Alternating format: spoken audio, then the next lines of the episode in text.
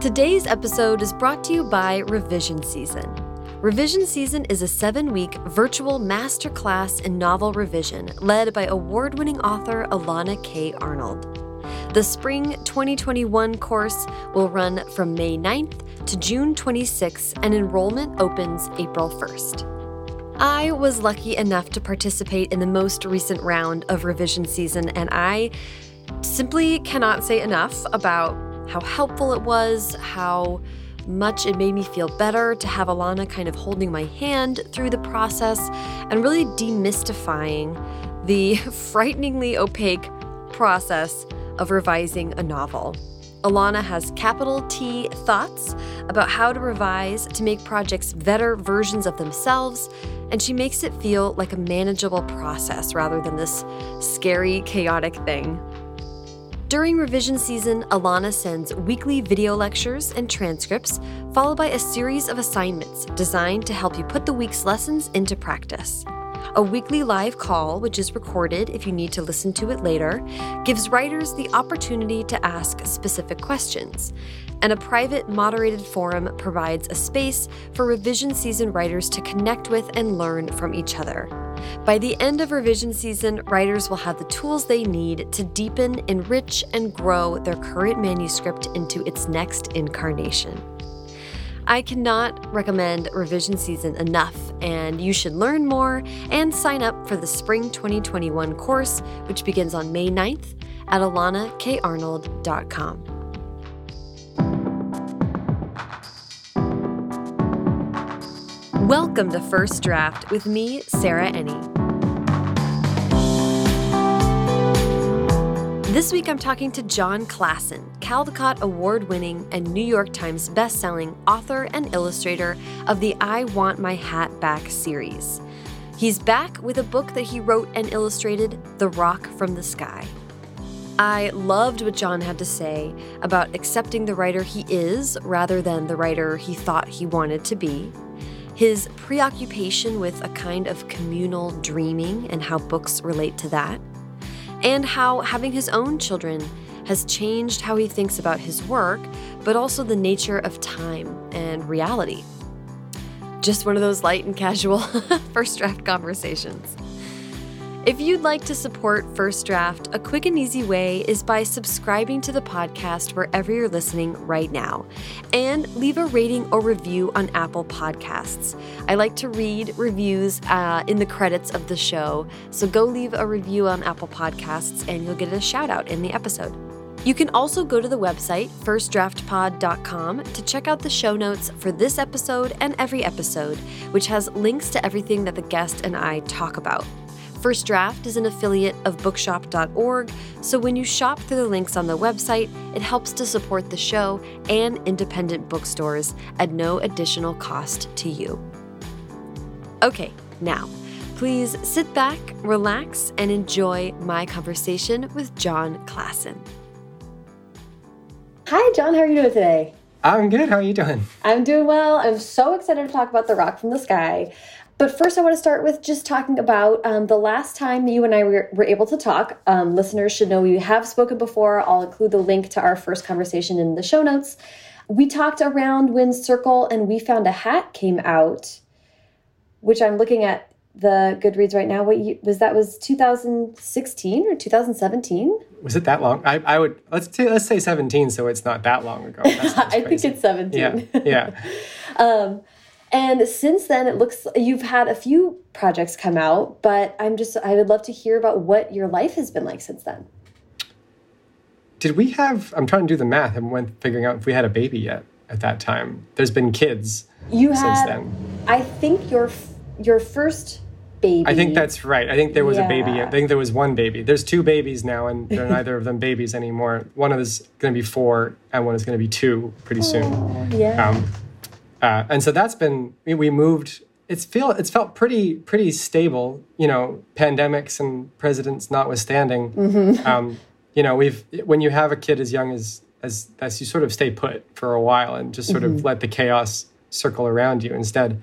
And so it's just been trying to get some work done. And um, I feel like with books, maybe you feel this way too, where it's like there are periods where you feel like you haven't done anything for a year, and then periods where all of that stuff comes to a head and you feel like you're working on 10 things at once. And I think maybe two or three of those cycles have come and gone in that time. And I'm in the middle of another like super busy period right now, probably because of everyone's just been home and all you can do is work. It's funny to me to hear you talk about the cycles because that's so true. You spend so much time thinking or gestating on a project, and then all of a sudden you sell it and you have to turn it around. Or, or timeline timelines are funny in publishing but when we're talking about illustration, that to me also seems like a difficult.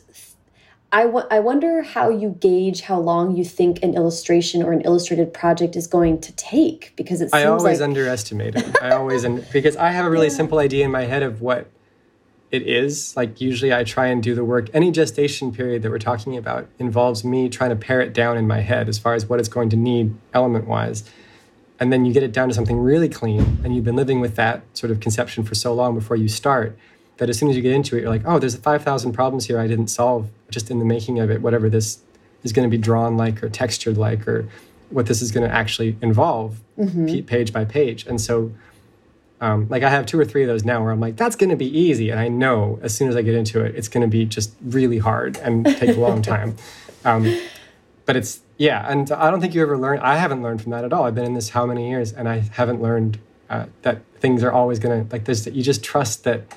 I think there's been one project where it went as fast as I thought it was going to, and that was that first shapes book, the triangle oh. one, where it was like that was great. Like that was exactly what I thought it was going to be, and I really enjoyed it. And it's over. And like it was, there's the only book I've ever done where it was like that was it. Uh, everything else has just been like, why did I say yes to this by like month four? And you're just like you hating it. But um, well, Th and that's just for the listener who may not be an illustrator like like me. What what is the what's the average timeline for when you accept to illustrate a project that you haven't yourself written? All in all, probably close to a year, but that's including like initial tests to find the look of it and mm. roughs that you do, and then new roughs that you do because those first roughs, your first roughs are a lot like your first draft of writing, where there's a lot of mistakes, and it can be they're they're. They're supposed to be pretty ugly because you don't want to get married to them because you're going to have to mm. do the finals. And you're almost protecting, that's a weird thing, maybe is unique to illustration, is that you almost, I almost want to engineer the roughs to be unmarriable because if I fall in love with anything, the finals are going to be really boring and you can tell when you're bored on the page, right? Like if mm. I'm just, mm. if I'm, if I really miss a really quick spontaneous sketch that I did underneath it, you can just see me being sad in the final. It comes across somehow. I just get, or at the, at the very least, I get bored with it. And so my my roughs have are, are usually digital, and I usually almost go over the top in making myself not like them visually because they're just about organizing the image in a different way. It's not about selling myself on the visuals yet. It's about organizing the information. And so you can do that in a really ugly way and still solve your problem. And so learning how to do that and game yourself almost in into sort of uh, that stage of it has been like an education. It's ongoing, kind of. It's so funny to me that you're almost like, I mean, we're talking about solving problems, but you're also describing a system where you have to create problems for yourself to stay engaged and solve them all the way through to the end a little bit there is an energy in the picture for sure that you want to maintain the circumstances of that. Like there is a there's a there's a momentum that i can some illustrators are very good at doing the sketches and then doing a final and maintaining that through both stages. For whatever reason i only have like one go in me. And if i if i spend it on the roughs then i don't have it for the finals. That's how i write too a lot is that like i have one run. It's like this and if i don't get it on that draft then i have to go back and start again. I can't go back in there and be like what did i like it has it feels like this yeah it feels like just one shot. And so knowing that about yourself is not very conducive to working professionally because everyone like you need to see roughs. And so i've been learning how to either kind of convince them that like if you like the rough this is pretty much it or or giving them very ugly roughs that maybe no one would buy off on if they didn't have some reference about what the finals were going to look like yeah, yeah. This um, and this just brings to mind. So this may or may not be related. I'm interested in your thoughts on this. I got to talk to Marla Fra um, Frazee the other day, who is she's was such a wonderful conversation. But she was talking about a long stage of her career where she was she went to art school and so she learned a lot about commercial art. Right, she was doing kind of uh, literal commercial advertising art and learning how publishing wants your art to look, which is so much more rough to your point. Like she said, she would take it back to the development stage and show that as her portfolio for publishing instead of the really glossy, shiny, well done stuff. So that's kind of just striking me what you're what you're saying. Like there needs to be kind of a kind of a there has to be something to um, sink your teeth into with with picture books. That's not true for an advertisement. Yeah, that's. I think that's right. Is that a large part of what makes a picture book work is that momentum because a lot of picture books don't make much sense. At least not on you know not if you analyze them, pick them apart. What makes them, I think, work for even kids is the feeling of like momentum throughout and interest uh, that the author or illustrator had in it. And if you can feel that coming across, the kids will get on board. Like they they sort of just end up following you along with that interest. But if even if you have a really tight thing, if you feel bored in it, and if the book feels bored by the idea by then, it's hard to get them. It's hard to it's hard to grab them. Yeah, I'm I'm thinking about and writing relating to what you're saying as far as dialogue. I often will write dialogue and then especially if it's meant to be funny or really sort of back and forth like the less you can revise that the better because when you wrote it you had that almost improv like on the stage vibrancy. Yeah. My sense of writing from just the limited amount of it that i've done is that like it is so much about sound and sound like the maintenance of that sound to the project. And that always seems like you're in some sort of fever dream while you're in it and then the skill becomes how to tap back into it in and out of it when you need to, if it's an ongoing like a novel. How do you write a novel in a very distinct sound? Like isn't that like a mood that lasts like a month at the most? And how do you maintain it for that long? And do you like the danger is too is be, when you start to analyze that weird sound or you start to like make up rules for it that maybe restrict it or don't let it be itself. And then but you have to to maintain it to remember what it is that got you into it.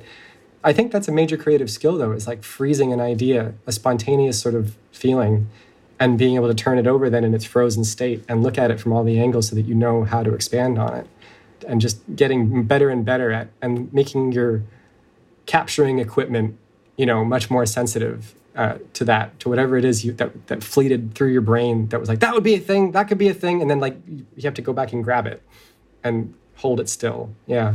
Yeah that's so true. That's so and that's what you're talking about is the kind of stuff that makes it difficult for people in other professions to like like to relate at all because yeah. that's such a yeah exactly let's just jump right into the rock from the sky because i have so many questions about it that are going to relate to the creative process as you kind of even just started dipping into as you know, although it's tough with picture books, I'd love for you to just go ahead and pitch this book for us. oh unique. no, I know. This is a horrible one to pitch. This is I am well aware that this book came like came to be slightly because of I've had other successful books. Like I don't think that this would have made a great first book or a great elevator pitch to an unknown publisher.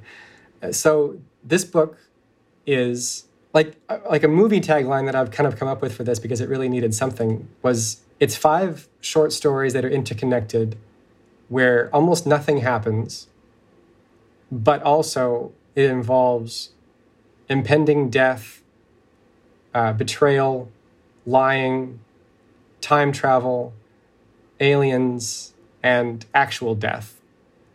And that's so both those things I think are true of the book. Um, and that's my sort of weird, you know, DVD cover line that I've got for it.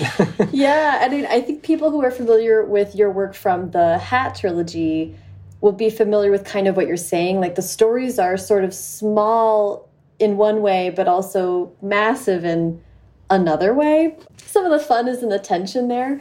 I want to start with the with the writing of this book and the structure of it. I read an interview with you where you said, I think I've started to come to terms with being the writer I am versus the writer I thought I wanted to be. And I'm interested in in what that process was like. Well, part of that is that I was reading George Saunders' latest book about writing, and that's basically what he was saying. But it was such a clarifying thing to read because it was a lot of that, where it was the things I like to read are not the things I, I think I enjoy writing most of the time what I like about reading picture books and, and even novels or any kind of thing usually is description and the ability to set a mood or atmosphere and describe action and, you know, have characters that don't say much and um, allow for that and somehow get you into it anyway.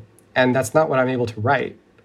I'm, I'm the opposite that way, where as soon as if I do give myself license to write description or narration, even, I'm just like this open faucet that can't shut up. And I, it's and it's all none of it's useful. I'm just gushing thoughts, and it doesn't make any sense. And there's no design to it at all. And so, I think that also what I've realized is that things mostly make sense to me as stories when they're very exaggerated. The more analysis I do on my own stuff, just by virtue of doing interviews or looking at it again or whatever it is, is that the only way I can find anything believable is if things are way oversized in terms of their consequence or their setups, or like, do you know what I mean? Like, if I want a problem in a book, it can't just be a small problem, it has to be a massive problem. It has to be life or death kind of thing. And if anyone gets revenge, it's not just like, got you back, it's like, I killed you like all of that stuff i have to turn it way up to do anything because my impulses are so low key for the most part that if i think i'm doing it straight i'm doing it way too quietly and so i don't have a gear in between. It's like well okay if this if it's gotten quiet we need to bring in like a death ray alien. And then then now we know like now we're excited again right? Like that'll do it. And that kind of weird loss of control in between absolute quiet and just like turned it way up. And i wish i had I wish I had the skills or the like I wanted to be the writer that could pull it off just quietly and make that exciting still somehow. But I can't. I have to be quiet surface, but then contextually or like, you know, sub- subtextually, a lot has to be going on for me to justify that. I can't trust just the quiet tone I want to put down. I have to back it up with something really big, or at least what I think is really big. And that battle sort of continues before I I think this when I started to figure it out, where it was like, okay, let's be honest here. I'd like a book that looks like almost nothing happens um, but what do I need to get permission to do that? And I think I'd been doing that sort of intuitively with the other books, but this one I felt like I really knew it that that's what I wanted to do. And it might be the end of that then. Maybe once you understand it, that's the that's over. um, but yeah, that was sort of the feeling where it was just like okay, um, and also just my influences and things I, I wanted to feel like I sort of wore them more on my sleeve with this one. There's a lot of Samuel Beckett references and stuff, and but also I think that I finally tried to really put things in there that kids were just going to very simply get excited by. Like an alien coming out of nowhere, that's not something I've been dying to put into a book or even lining up with my sensibilities. But I was, as soon as I drew him, I was like, we're going to get some four year olds with that guy. Like that's in a very salesman kind of way. I'm like, they're going to love him. That's going to be fun and like that hadn't happened before in a book i don't think i'd ever had a reason or like that wasn't part of my decision making but it was like come on who are we making this for really let's let's make a fun one for them if we can and also to apologize for like a whole story just about slowly fading into a nap like four pages earlier which probably the four year olds won't like very much i don't know uh, well you know you're kind of bringing up like last time we got to talk we talked about the hat trilogy as a whole because it had been completed at that point.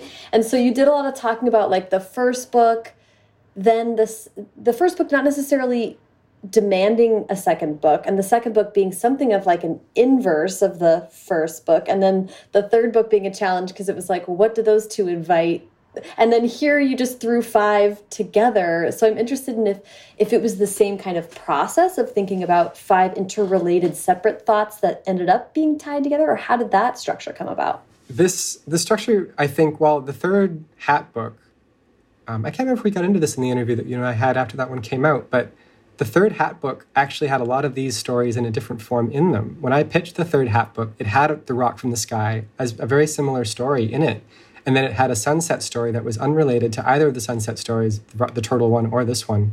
And then it had a third story that was a very condensed version of We Found a Hat in one 20 page story. And I gave that to my editor, and she's like, I don't get these first two, but this third one, there's a whole book there if you expand it, which is what we did.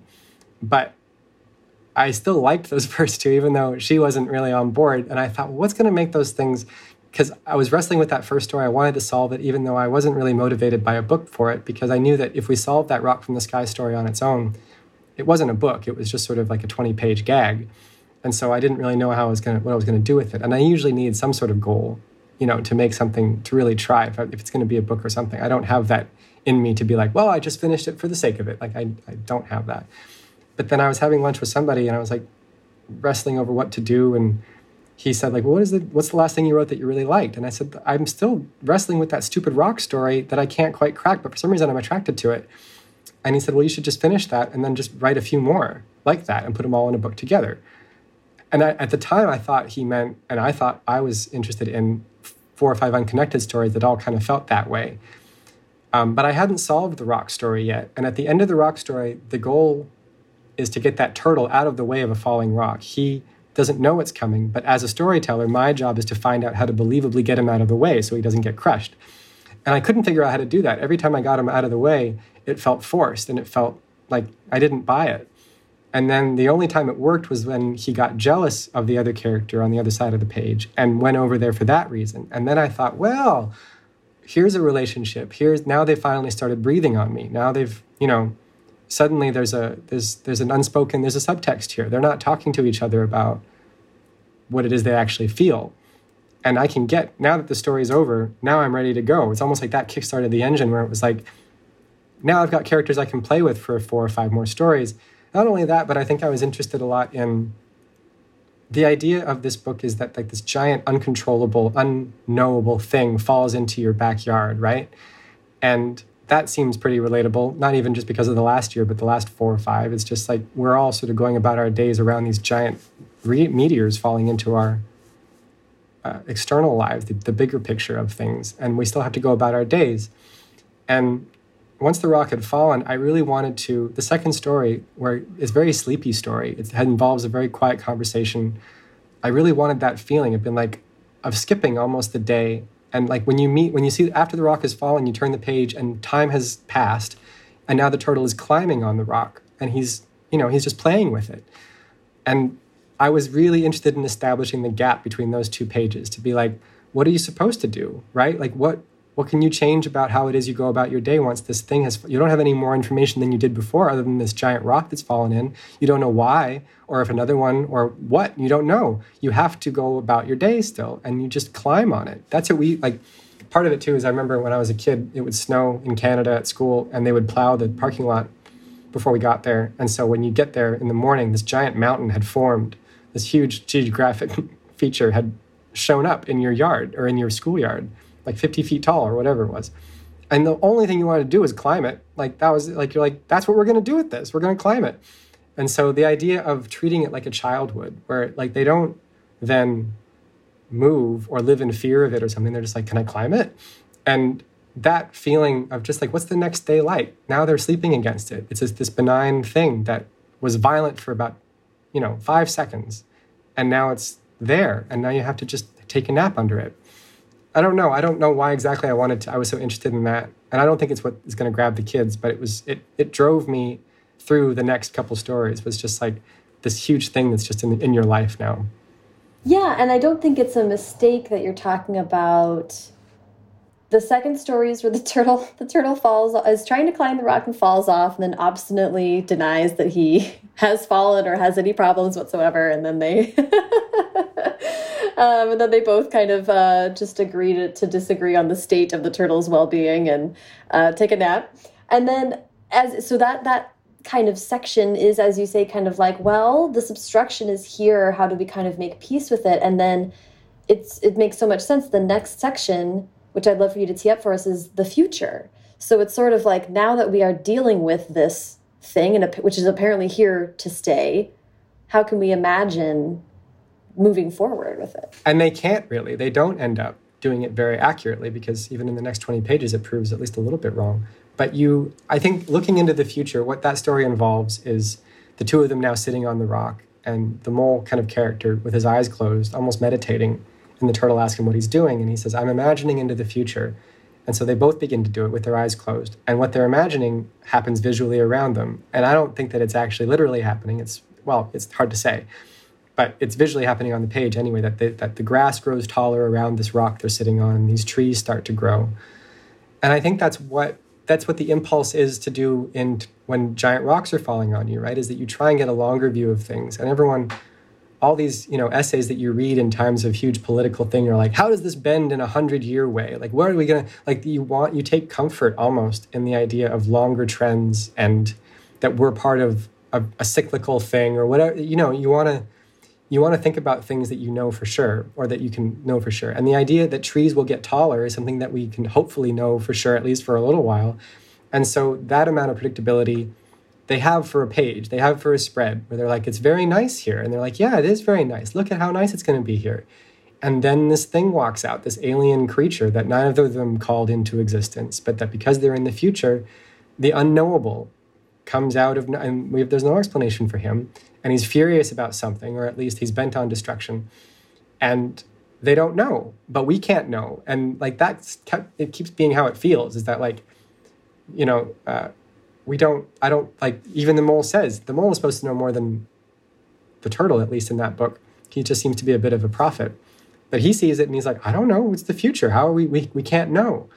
And um, if there is a point to the book as far as kids are concerned if there's anything instructive if i was ever forced to answer that question it's something along those lines where it's like just just the the consideration of the idea that we don't know some things a lot of things. I remember realizing that pretty late. I think it was in science class in like late elementary school where there was a question about something scientific in one of the textbooks and the teacher being like, I'm not sure they've actually figured that out. And the idea that we were in a world that was still evolving, I don't think I'd considered it, that they don't know that somewhere out there, past school and past being a kid, there are things that we haven't figured out. Like I just thought we were all maintaining. And there, there was huge questions. And maybe kids don't have that sense anymore because everything is just so crazy maybe 90s kids had that luxury of fake stability or something. Yeah, maybe. Bill Nye, there's there something Bill Nye doesn't know? He, right, right. He we're just catching up to everything, right? Everyone knows now.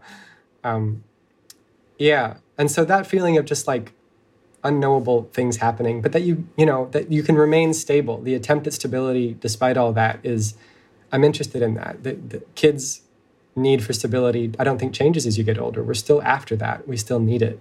Um, yeah, and, and the other thing that stood out to me from this story is that the I love that you're calling it a mole creature. Someone called it an armadillo somewhere, and I was like, I, I, call it both things. It's an armadillo mole thing. I don't know what he is. I brought it on myself. I didn't define him. um, well, in either case, he's adorable, and he's also wearing a hat, which is very nice. I love that the two sit on top of the rock, and much like in We Found a Hat, they are in We Found a Hat. They um, dream together and in this book, they communally they decide together to share a vision of the future, which is so interesting to me. So they're both commenting on something they that they are experiencing together, even though it's not real. As you say, I mean, it's just very interesting. I think that it's that's that's something I go back to more and more is that I started to realize that when I got into books is that like the more we went around and read the books to people and tour and places you go, you were finding people say things about the books that you didn't know was explicit in them, and they were picking up on it. That you had buried it without even knowing that you had. And it was this really, it was, it's what marked me like the most out of doing the books was I didn't know that that was I didn't I don't think I believed in it. I think that it's been a big part of my evolution as a person making things is my belief in that, and I think I thought it was crap before.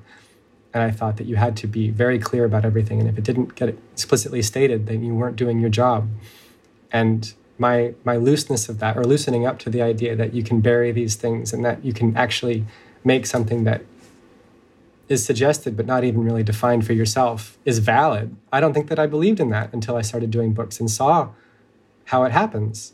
And so i'm, I'm a little preoccupied with it this idea of this communal dreaming and just illustrating it just having just using it. I think the fun of it with that story was that I got to draw two characters with their eyes closed in the same position for like 12 pages, but they were screaming. They went yeah. through an emotional roller coaster because they can't move. They're still, yeah. if they open their eyes and actually started screaming, everything would vanish. Yeah. But so they're just sitting there, but there's like screams and, and yells yeah. going on while they're in that position. And that was really fun to put together. It is fun in there, and it turns to all caps. And as you say, the, the, the mole armadillo is kind of the prophet or kind of like maybe more of a grown up or an older sibling role. And so the turtle, the turtle is screaming and the armadillo was like, quiet, quiet. Shut up. Yeah, exactly. You're gonna he's gonna come over here, which I'm not even sure if he came over he would see them. I don't know those rules. I don't yeah. but that somehow that survived what I remembered things feeling like when I was even younger. But even for me now, it's like I don't need that to line up. I don't need to know. If we don't have him go over there, then we don't need to find out. I want to just hear about. Um, I, I mean, we talked about this last time, but for whatever reason, out of everything you've drawn, I'm obsessed with the crab from This Is Not My Hat. I, I, just, I love yeah. that little guy. I don't know why. So this, I'm the four year old. The alien showed up, and I was like, "Stop everything! This is amazing." It's just like your the eyes are always so expressive in your characters, and so this is just sort of this. You really boil it down to this very expressive eyeball that has legs and shoots things. right. Right. what was like? I don't know. I'd just love to hear about that the criteria for well he was a surprise actually i was drawing that i was roughing out that future story. And I didn't know where it was going. I needed a forest in the book, I thought, for just for visual variety, if nothing mm-hmm. else. The whole book was just this one plane of horizon two inches off the bottom of the book. And I needed to break it up in the middle somewhere. It needed to have, as you're even just visually flipping through it, I needed to give more than that visually. Mm-hmm. And so I was like, let's grow a forest somehow. Let's get that in there.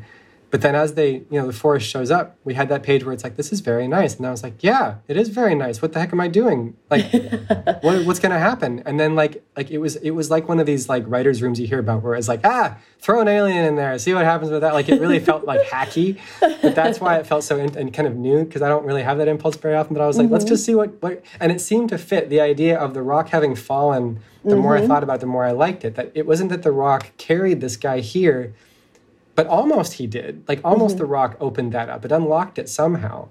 Um, that these two things were correlated. It didn't seem unconnected, and I liked not even tying that knot up in a nice little knot either. It was like there's a there is a connection here, but I don't want to get further into it.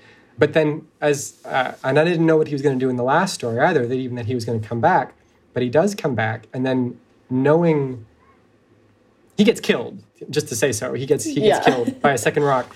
And then my criteria for him became uh, known. There's a, I may have talked about this last time. I'm not sure if I did, but there was um, a course I did at Cal Arts about design for like a year where I was sort of making it up.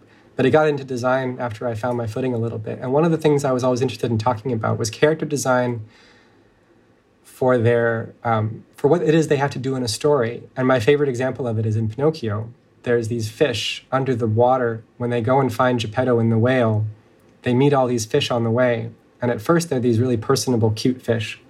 And then, you know, there's a bit of business with that that kind of makes the movie go by. And then all of a sudden, you see a school of wall eyed tuna, I think. And they're swimming away, but they're not personable fish anymore. They don't, they have, as I say, they're wall eyed and expressionless. They're almost like sculptures of fish. And that is because in the next shot, the whale comes into comes into frame and eats like a hundred of them. And I think as soon as you see those fish designed the way they are, you you are ready for them to die, because they've been. That's the symbol that those two the two designs of that wall-eyed fish and the personality fish don't even exist in the same movie. But you're okay with that because you that fish has a different job. His job is to get eaten later, and so he has to be designed for that. And I really like that. I like that design can be malleable, not for a certain look that's cohesive to the book necessarily, but everyone's doing their job.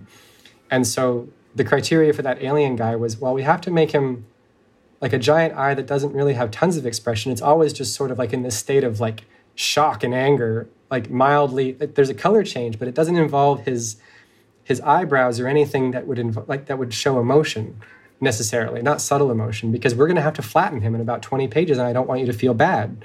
And so that was fun to sort of make sure that we were off the hook that way, that I felt okay doing it because he doesn't really, you know, he earns it because he's about to kill everybody. But, you know, that's a tricky thing. Even if he was about to kill everyone, you're about to flatten this guy we haven't seen very much of. Is that going to feel mean? I don't want it to feel mean. I want it to feel lucky for the people who survived. But also, there's dramatic, you know, comeuppance there. He's he's he's going around frying things, um, yeah. and so like that I don't know, that design challenge and just kind of feeling my way to make sure we were okay doing that. And it didn't feel like I was being traumatic or being mean. Yeah, I love that. I think that that's so interesting. And it really is, you know, because your other books also have like um a well, how do I want to say like moral ambiguity yeah, there yeah. At, at times. And this was really like this is a character that it's okay to be like I want the rock to fall on him. I want there to be something that happens that prevents him from getting to our protagonist, right? Right, yeah. right, yeah. Which usually you kind of give a little wiggle room for every character in here, and it was like, no, this is just a baddie, I think. right, and that was the fun of it was that there was no like I didn't. As soon as I landed the rock on him, I was like, I'm fine with this. All, yeah. No alarm bells are going off here. I'm okay. Yeah. yeah, and then just just to get through to the end, and then I'll, I'll come back and ask about more more questions, but um, can we talk about the, I'm flipping through as we talk here, about the sunset? This is another really just beautiful, almost nap There is almost a nap there. I couldn't, I, I, I probably could have left that one out. No, I don't think I could have. It was, it's such a throwaway of a gag and it makes me laugh so much because I think because of the dumbness of it. Um, but the, uh, the feeling of setup and payoff, I think there's different versions of that in the book. Like different stories play with that differently in mm-hmm. terms of what you're expecting and then what happens and also what you might not be expecting. But in order to sort of like the mole says too the armadillo whatever he is says too much at the beginning of the story. Like why would you say there's nothing blocking the sunset from here? Like why would you say that? right right and right. so you know well what okay something better block that sunset. And then the next page the turtle shows up basically looking like a negative sunset himself and being like what's going on? And you're like all right how long is this going to take? And then it takes so long. I, I think it does for a picture book. And then but that was the fun of that story was like hopefully to a certain extent the kids are in on that joke mm-hmm. is that they're sort of in on how long it actually takes to pay that those first two pages off.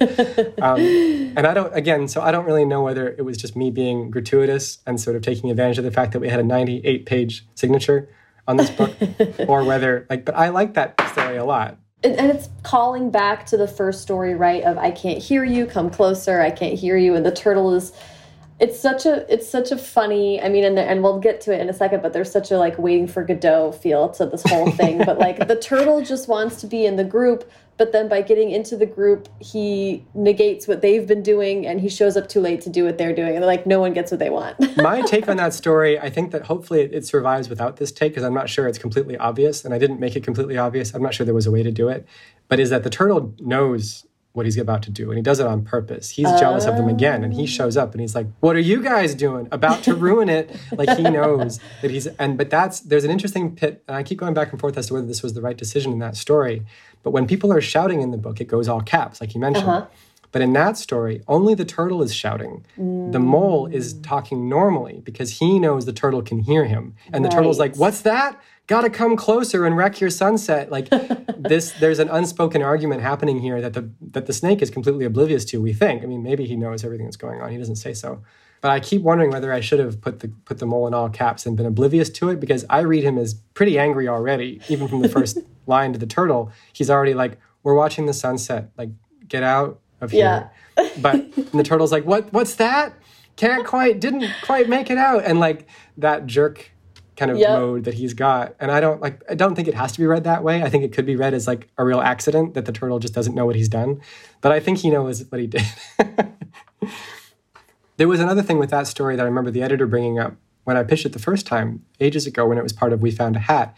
And she had a problem with the fact that the turtle was blocking the sunset on a horizon that was facing us. And so the turtle is blocking our view of the sunset, but potentially not their view of the sunset. Oh. And I was like, that I was like, invalid criticism. No, I don't buy it because look, we're all aware that this is a stage and that this is mm-hmm. a show they're putting on for us. And for some reason, it nailed down that impulse even more. Where I was like, I love that actually, that we would believe that maybe it doesn't block it for them, but that they're doing it for our benefit, that this mm. whole thing is for the audience's benefit. And yes, that's skewed to our viewpoint. But if they say he's blocked the sunset and we can't see a sunset, that's all that matters. And there's something really big in there for me. I don't know why I, I, like I really went hard on it. I was like, that doesn't matter. I actually really like it. And there's something more informative in that impulse, I think. We've talked about it before, the idea of theater and the fakery of it and yeah, stuff. But, yeah. We did. And you know, it's fun. It's so funny to hear you say it like that because I've now, like, listeners will be annoyed with me because I bring this up. I brought this up for like a month, but I'm like turning over something similar in my mind. I had this reader give me feedback on a recent draft of my novel and this reader was not wrong, but the reader was like, XYZ happens and I don't believe it. And I kind of sat there and was like, this is, you know, I want to be a mature creator who can take criticism. But I was also like, I believe strongly that I am writing fiction. Mm -hmm. And that is it. It was like, yes. if I tell you that this happened, then either you buy into the world of the story or it's not for you. And at some point, I have to decide, like, this is the world I'm creating, and either you're in or you're out. Right. Yeah. Yeah, exactly. You're either on board with this construct or you're not, right? Yeah. And that's also self protective, I think, because it's like if you are a little bit insecure about your skills as either an author or an illustrator, it can't just be what's on the page because that would mm-hmm. be heartbreaking. like it can't just be that. It has to be I have there has to be some, some abstractions that I'm not capable of writing because otherwise it's just this and it can't just be this. and so there's there's a level of yeah, of sort of That's safety such a net good point. And, and, yeah. So let's talk about the la- the the fifth um, uh, and final story, which is called "No More Room." Yeah, "No More Room" was a tricky one to write. The first few pages were tricky for me anyway. The, the first page opens with the the mole and the snake, who have been sort of this on and off again relationship throughout the book, um, sleeping underneath the rock, which wouldn't be special if we hadn't established that you take naps two by two earlier in the book with that nap story. How I thought of this last story a little bit is that it's sort of a culmination of everything you've set up in the book. It sort of goes backwards through the book, actually. Those stories, I think, can be almost disconnected from each other. Hopefully, they can be. I'd like them to sort of float on their own as much as they are connected. But this story doesn't work at all without the other ones. It's chaos without those other guys. And so they're sleeping underneath the rock, and the turtle finds them there and is sort of like, ah, I see how it is. You know, this is it. This is just the two of you guys sleeping under, no room for me underneath this rock. And so he starts to walk away. But again, it's performative. He begins to say, I'll never come back. But they don't hear him. They're, he, they're asleep. And so he's like, I said I'll never come back. And he, they don't hear him. And so he turns around. And as he turns around, without seeing behind him, the giant alien from two stories ago comes onto the frame behind him. And the other two see him and I'm interested in this part of the story too, because the turtle walks back towards them with the giant alien following him, and he doesn't realize he's back there. But the other two are just silent and they're staring at it. And I I worry a little bit about this because my read on it is that they're too scared to speak. They're mm-hmm. they're they're frozen in, in terror. But there's also a read here that they're just not concerned with the turtle enough to say something. Like they're actually being inconsiderate by not by being like, look behind you. Mm-hmm. They're just they're frozen my hope is that it's the first read, but it's interesting that it's not resolved that way. But anyway, mm-hmm. the giant alien shows by his by what we've established before that he's about to fry all three of them, and then a giant rock falls and hits him too. And there's something about two rocks on each one on each spread that I like a lot too. That it ends in almost this like um, mirror image of it bookends the thing in a very literal way, um, mm-hmm. where it's like okay, book over. Um, and also just leaving them there in that moment of just terror and like what is the rest of the night like? Like what I, like that same moment we were concerned with earlier what's the next day like after this rock falls? What's the rest of that night like after the second rock has fallen? Like they've just been spared by who knows what of who knows what and like mm-hmm. they don't mm-hmm. do they go to sleep? Do they have do they talk it out? Like they were in the middle of a fight. Does it change the fight like yeah i don't know. I, I like that ending though. Yeah i like it too. Like did, did the turtle ever know? Because the snake and the armadillo would have and at some point the armadillo actually cut i mean i read it as that they were way too scared. As you say because earlier the armadillo was like like be quiet. Don't alert mm. it. So yeah. i think that was his instinct oh always. that's true. Yeah he's like a t-rex or something. Yeah exactly don't move.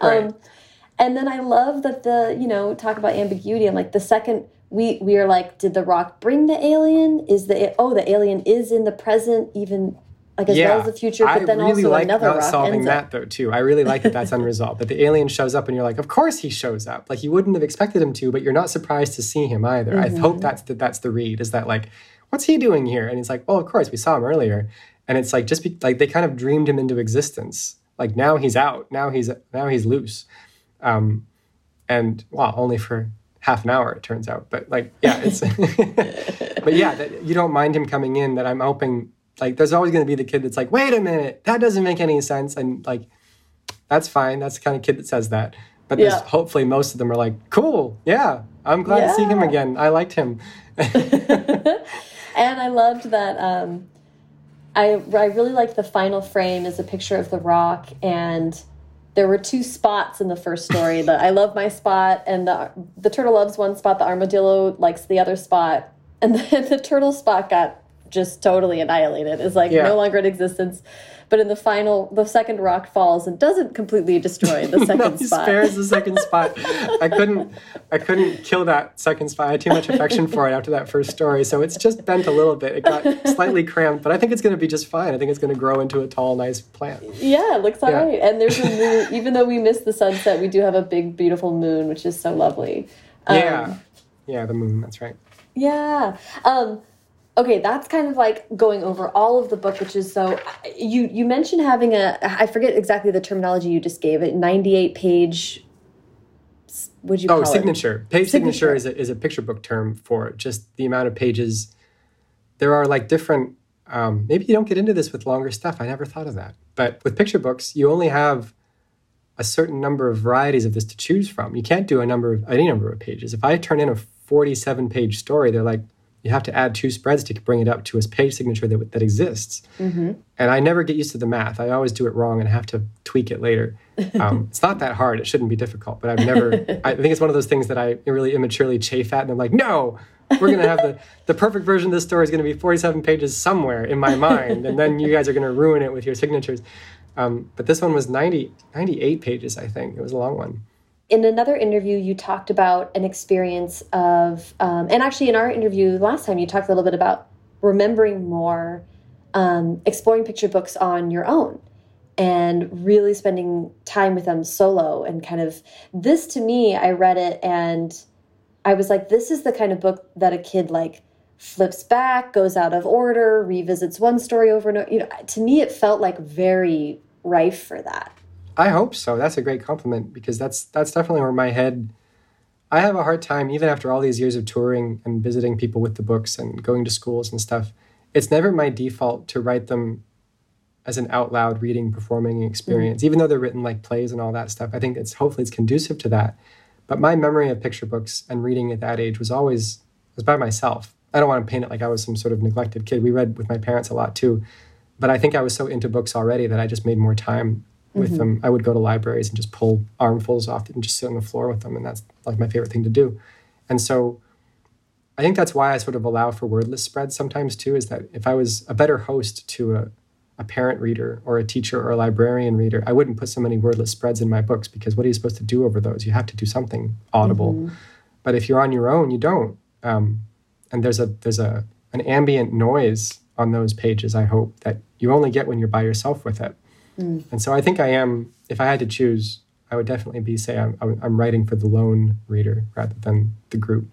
But what it gets into, I think, also, what I've gotten into lately, as far as the artwork anyway, is that instead of getting more and more fine tuned with it and learning how to get better and better technically at those little details that you talked about, where you kind of get obsessed with them, my impulse is to get is to find out how to generalize more. This is the softest book I think I've done in terms of artwork. Everything is soft. The mm-hmm. the skies are soft. Even the like the ground is sort of this hard line, but even it's soft within that. And the characters were done with marker this time to try and just a little soften them up a little bit. And I'm trying to get softer and softer as a way to just make you stop picking it apart. If there are details, you pick those apart. But if everything kind of sits back and softens into each other, then you don't do that. And you sort of take an impression rather than get obsessed with something. I was never, I don't think I was the kind of kid, and I'm not definitely now, to look at something exhaustively and pick it apart. I, I have impressions of the books I loved, you know, and those are the memories from them. I don't even remember the stories a lot of times. You just remember the feelings of them. And as long as I can prompt that, and even if I can help to prompt that, I think it's a goal I'm consciously trying to figure out. It's not my, because I say I like graphic things, I like simple things. And so that doesn't necessarily lend itself to soft processes when you're illustrating, but I'm trying to learn how to do them for that reason. You you brought up sky. There is I, I want my hat back starts with almost no landscape whatsoever. Then this is not my hat is undersea. We found a hat is this kind of beautiful desert, and the rock from the sky, as you mentioned, there's a forest that grows here, but it's it's got so much um, environment to it throughout, and that's that's so much of the focus is the feeling of day to night and so the sky is a huge part of it. Can you just talk about how you went about creating that that feeling of space? I wanted a sky. I think I figured this out since. I didn't know it then, but maybe I sort of did. It was um, I wanted a sky that felt like a stage backdrop. It's always sort of mm. stagey with me, but for this one, I wanted it to feel like. Um, my very first job was an intern, an intern at a theater company, and it was a big theater, and so they had these big backdrops they would paint, and they would tack them to the floor and paint them with brooms. And then you would tack them up, and you realize what they'd been doing, and you saw this great soft sky, and they would light it differently as the as the play needed it. It was a sunset scene; they'd light it like a sunset. It's always the same sky, and it was so cool to see that, and it was amazing to watch this thing that looked so random and soft on the floor get pinned up and looked so perfect and real, and and also it was that set, it was that set design impulse again where it, it, sat back. It wasn't the point. The, the actors were the point so the silhouettes in front of the thing were the point. And its job was to be soft. Um, and i wanted that but i also kind of wanted it to feel processed in a way. I wanted it to feel i didn't want to convince you there was really a thousand miles of sky. I wanted mm-hmm. it to somehow flatten out a little bit. And i don't know how to do that technically. I don't know I don't know how to set out to paint that. And so it's just a lot of trial and error and asking much better painters than me how they would go about getting a very soft wash, just floors little, littered with, you know, accidents that you maybe this is the white one. And I think I pulled like 10 right ones out and then digitally messed with them enough that they were feeling what I needed them to feel like. Um, but it was long. It took a lot longer than I thought it was going to because I didn't think I wanted anything complicated, and I didn't. I don't think the skies are very complicated in this, but I just I kept not finding what I wanted though, and so and again, not really being a very like I'm not a great painter either. I'm I can't figure out what I'm good at exactly. I think I like I like composing. I think that's what the best word I've found is that I like composing to a frame, and I like generating noise and texture to a certain extent but then anything more technical than that, where they're like, "Well, convince us there's a sunset." It's like I don't know how to do that. Like I, I'll, I don't know. What do you? want? I'll try. I'll, give me two weeks. I'll come back with a sunset. But yeah, so that was the process with this. But I just I wanted it to feel big above them. I wanted it to feel like they were small, and that the world was big around them. That's what the story felt like to me. It's like sort of that you feel small in the world, that they feel small in the story, even that they feel small in this book, that they mm. probably shouldn't have this book they probably shouldn't have had this time of ours that this is these are dumb little sketches that take eight minutes to put a son to bed like what are we doing what is this they're taking more time than should be given to them for their ideas and what how funny this is and there was a lot of self-deprecation in it and a lot of i think like low-key anger in this one i think i was interested to talk again because the first time we talked i was talking about being sort of ashamed of the first hat book a little bit where it was almost too sarcastic Mm. And it was almost making fun of picture books a little bit and how I'd worked hard in the other two hat books to distance myself from that and get more earnest. Mm-hmm. And with this one, I feel like I reverted way back, like to the point where I was like, "No way, we're going to 96 pages this time, and we're gonna be we're gonna be as dry as a bone the whole way through." Like every impulse I had about what was funny to me in this book came from that old feeling of being furious at something. And it was you know it was everything going on. This book was written like two three years ago. Yeah. And it was just pick a thing to be angry at right yeah. And just the feeling of being out of control of being of not having even the controls you thought you had which weren't very many to begin with and just kind of realizing how you were vulnerable all the time to these giant huge rocks that had no controls. Yeah. And just yeah somehow tap like i'm not i don't think the book is supposed to feel angry or that a kid would pick up on that. I hope that they don't. But that's definitely it felt like the gas for this one. Yeah i think I mean that's so interesting. And i think it's also helpful right that i feel like turtle is pretty angry turtle's furious yeah yeah that's turtle, true turtle turtle well that through. whole second story with the nap and him not being able to admit he needs help mm -hmm. i mean mm-hmm. that's just about the last four years too it's just like dudes not saying they need help.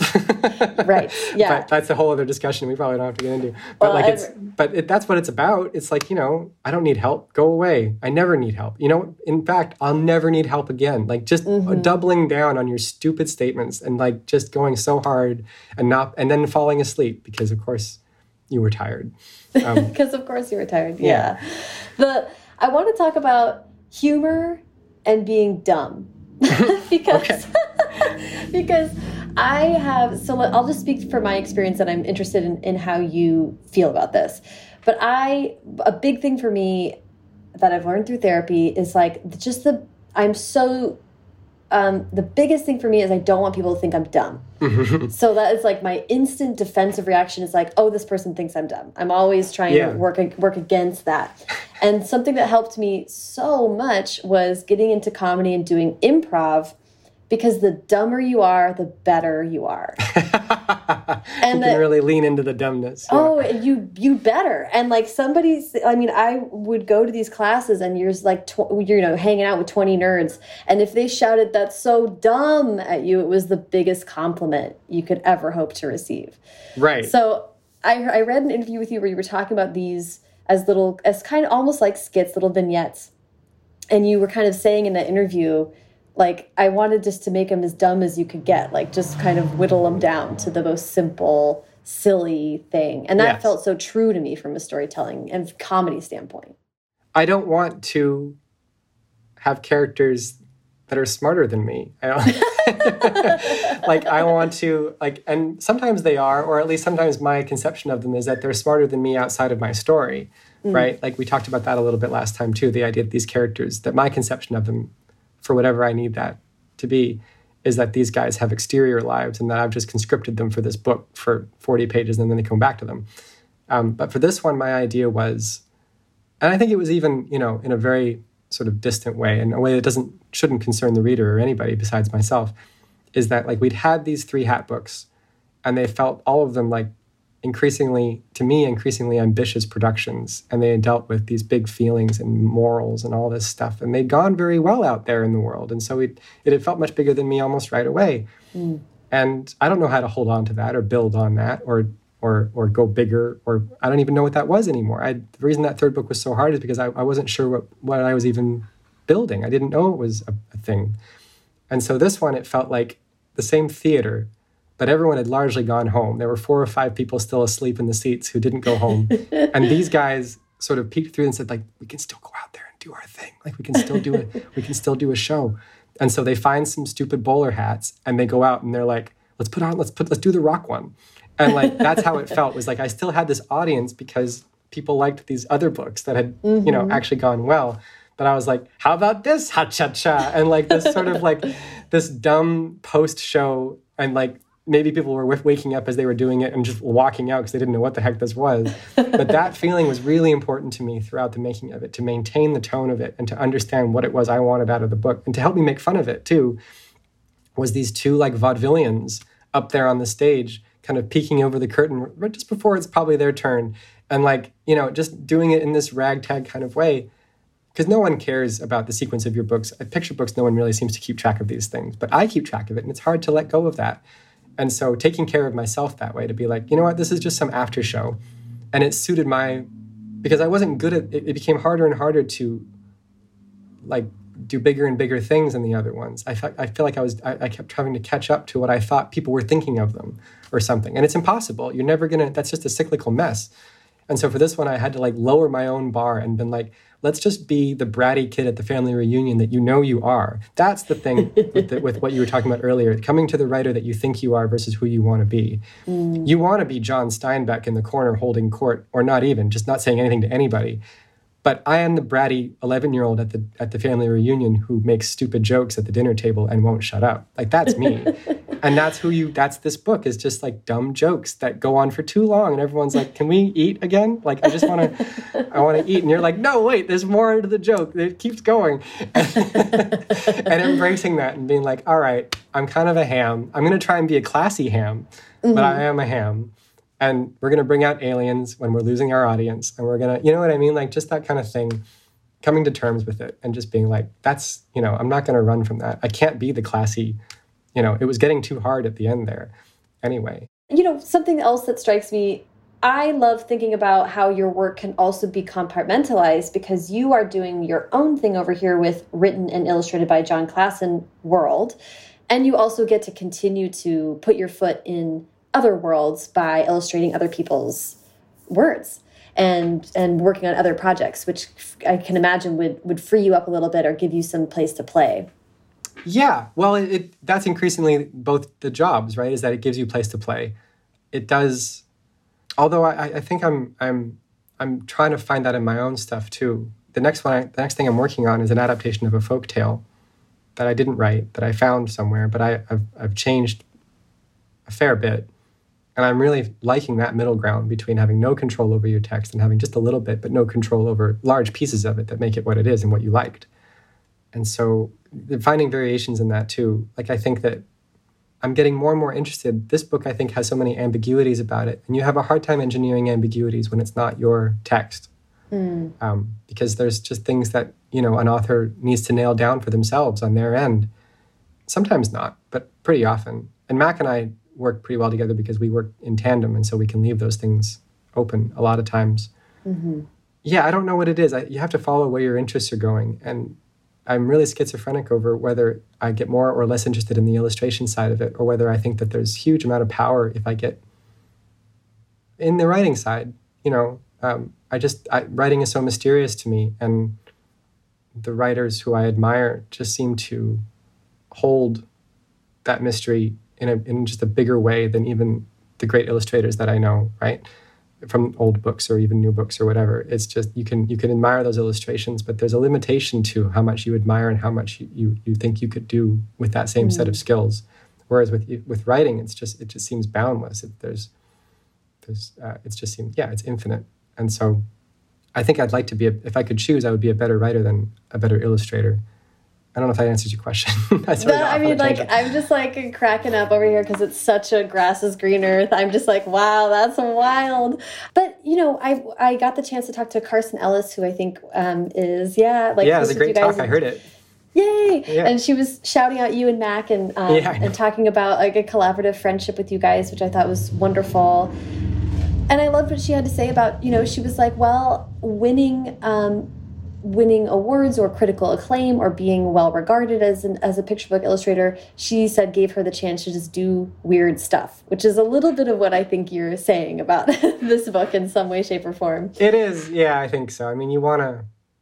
You don't want to disrespect those things, right? and say like, right. "Ha, fooled you! Now look what I'm going to do with it." um, but you want to push it. You don't want to. You don't want to. Um, it's the real measurable advantage to those things because you know, you, there's the old line about awards being um, imposters, failure and success being imposters either way.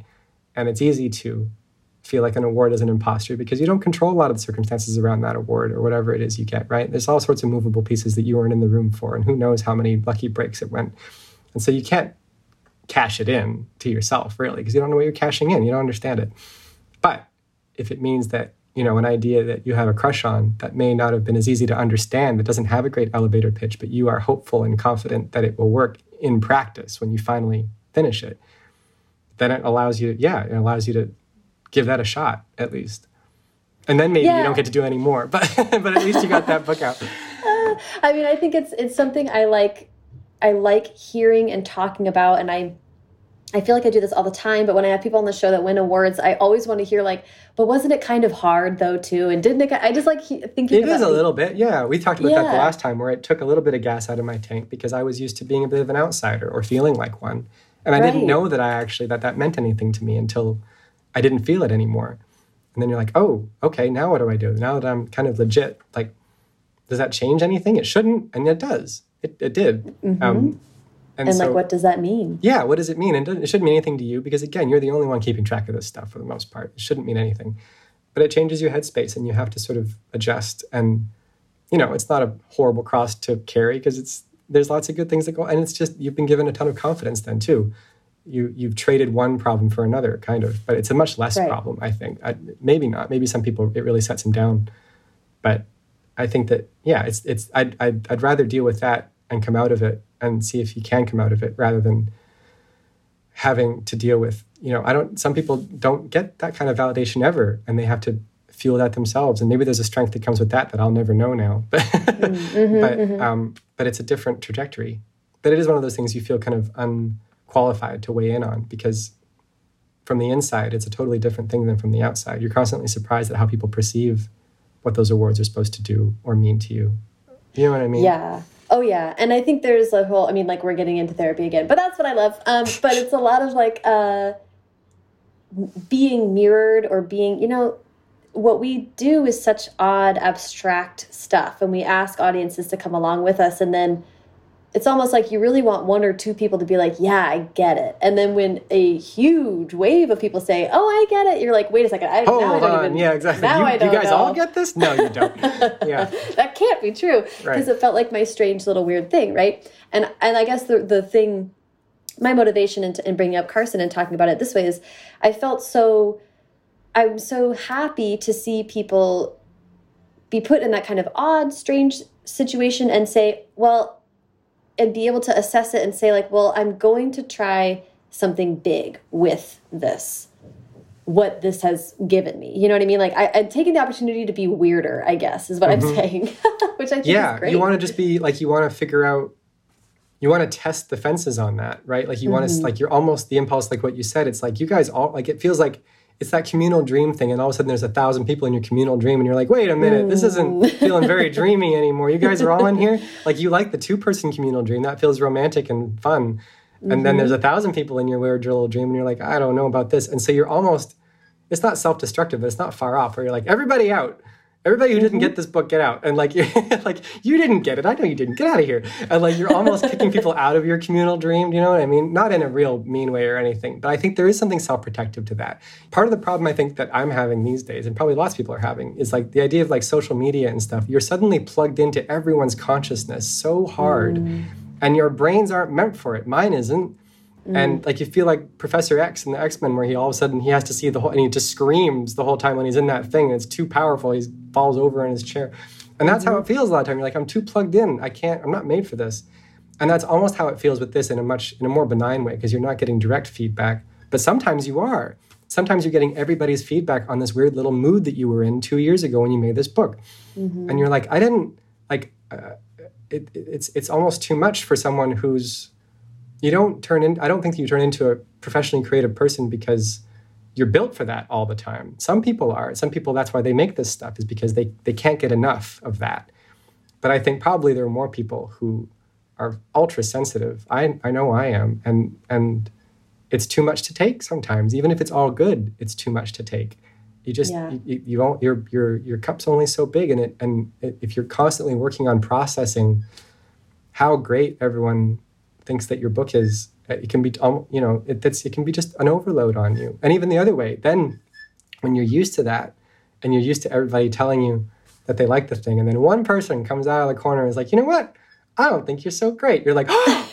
like i'm obsessed with you now. And like I'm, you're all i'm going to think about for the next four years. And it makes that guy so much more painful because of your you've just been spoiled on this right. diet of sugar over here. And like you're just not those kinds of volatility is not what we're good at, right? Uh, like that's mm-hmm. that's what kills a system. It's not so much a, a, huge up or a huge down. It's the constant volatility, ups and downs and ups and downs. And when you're swinging so hard, it's really hard to make anything. You need quiet and calm and a place to yourself mm-hmm. that feels stable.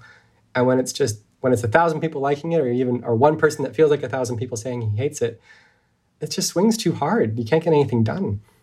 Yeah, and so you want to try and norm- you're trying to control it. You're trying to be like, let's just get it back to something manageable, and let's make a weird thing to make sure I'm in control here. Mm-hmm. Um, and it doesn't mean you want to alienate anybody. I don't. Maybe Carson's got more of that in her, where she doesn't mind. but I still have this thing where I still want to write a pop song. I don't want to do something that no one's going to get. Not, not that Carson's done that either, but I feel like she would. I feel she has that. she has that in her more than I do. I still, I'm like, you guys still like me though, right? But Carson's like, I don't need you guys. Carson's got that. We know that she does, and that's why we all adore and idolize Carson, is because she really has it in her to be like, nope, this is for me. She's got some punk rock to yes, her. Yes, she truly does, and I don't think that I do. I'm, as I say, I'm the nerd. a the, pop song. I'm, yeah, I want that. That is so funny. I love. I, I you you in it. You had another interview where you likened picture books to pop songs because they're infinitely repeatable, sort of, especially for the they intended be. audience. Yeah. yeah. Um, and I, I love that too. Um, yeah, I, I love what you just said. I love how you characterize that. I think that's really well put to a phenomenon that we all observe, you know, but we don't all live. And um, I think we all live it in our micro ways, though. Do you know what I mean? Like, yeah. it's actually very relative. Someone's feeling about being all of a sudden followed by 50 people on their thing versus 50,000. Yeah it isn't that different. We just stretch to fit it. Um, mm. There's only I think that we really, we only have room for a certain amount, and then the rest we were sort of assuming, and that's even hard on your system to just assume or to sort of uh, vaguely guess at. I don't think that those those experiences are that different. I don't and the awards are sort to a certain extent, or any of that kind of recognition is to a certain extent artificial after a point. There's only so much you can process. There's only so mm-hmm. much that you can wrap your head around, and it's only the people who come up to you afterwards and people who you really like really you know that buries itself in a really special place who really appreciate the work. Um, it's a hard thing to talk about because it, it is so complicated. It um, is, uh, and as we're talking about it i'm also having 90s kid flashbacks to the like when you love a band and then someone you've never met before is like i love that band too. You're like shut up. No you don't. You've no one's ever heard of them but me. Right. That those years i think we're unique in the i think the 90s kids maybe the 70s ones were like the, there was an era for a while where it was like only I can like now. this band, but that doesn't happen anymore. Music isn't about that anymore. But that idea no. of proprietary, where it's like this is mine. Um, yeah, indie cred. It indie cred. not a thing anymore. No, no, I don't think that they would even understand. I think I read something about that where they were like, people had teenagers now who were like selling out. That was bad. Like, what are you talking about? And you're like, yeah, it was really. You could really. Everyone would hate you, and you're like, yeah, but you, you had a job, and you're like, yeah, but it was it was bad. And you're like, yeah, what? Yeah, yeah. I don't think I have. Yeah, I, I've always wanted mass communication and mass production. I think that I've always been interested in that. I like we talked last time. I think I really I really listened to that thing too, and talking about why I wanted to get into animation was mm-hmm. the reach that it had. The idea that like you could work on something that would like get shown in tiny villages in you know Russia or something. You didn't know where your giant movie was going to go, and you worked on mm-hmm. it, and that was some crazy, huge unifying event. And I like that. I it, it excites me that you could do some weird work in your garage and then it would have that same you know a smaller version of that kind of journey out there I, um, and it's almost hard after a while to get as i say i don't really make that smaller rock story i didn't know what to do with it because i knew it wasn't going to be a book and then it was like well mm-hmm. then the mm-hmm. air's out of it because I, I, want mm-hmm. a book mm-hmm. you just want you just you're interested in that kind of mass thing i am and so balancing that with again this and this sort of punk rock feeling that you know you ought to have and got a little bit of for a while yeah, yeah, it's, it's so weird. interesting. I yeah. love, I love thinking about it. I think yeah. that's just like such a thank, and thank you for going into this like abstract. oh yeah, and I'm sorry for anyone who didn't follow great. us in here. It's a weird one. I hope it didn't sound like a jerk. But, yeah, it's, no, it's my favorite. It's my favorite. Um, okay, like I said, I don't want to keep you here all day, so we can we'll we'll wrap up for now. Um, uh, but with advice, I love to wrap up with advice. You know, when people come back, it's my favorite thing to ask them if there's something that has changed for them. Mm. So, mm-hmm. over the last couple of years, if there's any new tips or tricks, practical or otherwise, that you have have picked up, I'd love to hear it. Um, not tips or tricks necessarily. The question you get a lot when you have kids, when you make things for kids, is whether the kids have changed your way of mm. working or not. And I wasn't expecting them to, to be honest. I didn't think that I couldn't see how, which is, I guess, the point. But it's strengthened a lot my idea of the validity of kids and meeting them where they're at with a book or with anything for them. And that they are, you have to think of them as people, complete in themselves, as they are today, and not as potential mm. or almost people. It's never going to, there's no line. It's, it's, they're having a day to day, and that you mm. really have to, it almost changes your idea of like time. If you think, wow, this day was so big for them because it was so, you know, in, on a curve, it was it was huge. And you remember when days felt long to you, and when summers mm-hmm. felt long, and weeks felt long, and trips felt huge. And then you now you do them, and you're like, huh, it wasn't so, it wasn't that long after all. It's not that it's not that long for real, and they're getting it wrong. You really have to try and come around to the relativity of that, and that their conception of today is just as real as your conception of today. And the things they don't know doesn't make it any less real for them or less important. Mm-hmm. You got to plug, like for real, you got to plug into it. You can't just be like, oh, isn't that cute? You're having a really big day. Not, not like it has to be for real to really get down with them and to be like, what's going on down here? Like, how is it going down here? They have to be valid people. And I'm, I'm slowly learning how to do that because otherwise you're just, you're selling them short and you're selling your own stuff short. And it's just, it's no, it's for nobody then and just coming around yeah just coming around to that and how it affects the work to be like not to have a book that feels ahead of them in any way to be like i want to i want to meet you where you're at. I want to come back and and and talk to you. And not even come back. I just want to talk to you. That even that sort of impulse to get rid of that and be like this is for you. Do you like it? Like i wanted to make something that that uses what you know. And i didn't have to say well you're not really aware of other things that you will know later to understand mm-hmm. this book. Someday you'll really get it because i'm ahead of you. Like none of that. It's been really interesting and rewarding to do that just because it helps you plug in with them too. It helps you remind them. It's everyone tells you how fast it is, and no one gets it right because it's so fast. how, how fast they are not babies and then not children, and it's just it just rockets. And like you're like, holy cow, it's way faster than I thought because these years were like decades to me, and I thought it was gonna be the same thing, and it's not. So maybe it never was, but it was. They are like they are experiencing a different time, a different definition of time, and it's just as real as yours. Um, yeah, I don't know how that affects the work, but it's something I've really, it's, it's the one thing I've sort of grabbed so far that I try and plug into the work where it's like, really make it for them. Don't just bullshit your way th- through that statement. Like, try and really believe it. Yeah, well, you know, there's that earnestness, and I have to say, like, I, I feel like that came through in letting yourself be funny in this book and letting it be you know, letting part of this book be a nap, you know, or whatever it or was. Or the alien, yeah, all that stuff. Where yeah. like, let's just let's make it for yeah. And again, I don't really know if the four year olds are gonna come around to the nap story, but I think they'll like the alien. so I'm getting there. I'm slowly getting there. Oh, that's so great. Oh, this is so fun to talk to you, Jon. Thank you Yeah, for you giving too. me so much Thank you time very today. much for having me. No, this is Um, great. and then yeah, let's just let's hang out soon. Again, When yeah. we, when we can. shots shots available. Yeah, exactly. Thank you so much to Jon. Follow him on Twitter at Burst of Beaden and on Instagram at Jon Klassen. You can follow me on both at Sarah Enni and the show at First Draft Pod. This episode was brought to you by Revision Season, the seven week virtual masterclass in novel revision led by award winning author Elana K. Arnold. The Spring 2021 course will run from May 9th to June 26th, and enrollment is open as of April 1st. Learn more and sign up for the class at elanakarnold.com. As I mentioned at the top of the show, leaving a rating or review on Apple Podcasts is a great way to help the show and uh, and also to help new listeners find us. The algorithm kind of um, tells people, hey, if you like reading, check out First Draft, um, but only when I have the credit given to me by people like you. When there are new reviews, I get to shout them out in the credits, and that's so fun for me. So go leave a review, and you will get a sweet, sweet shout out in a future episode. First Draft is produced by me, Sarah Enni. Today's episode was produced and sound designed by Callie Wright. The theme music is by Dan Bailey, and the logo is designed by Colin Keith. Thanks to social media director Jennifer Nkosi and transcriptionist at large Julie Anderson. And as ever, thanks to you, punk rock and pop stars of picture books, for listening.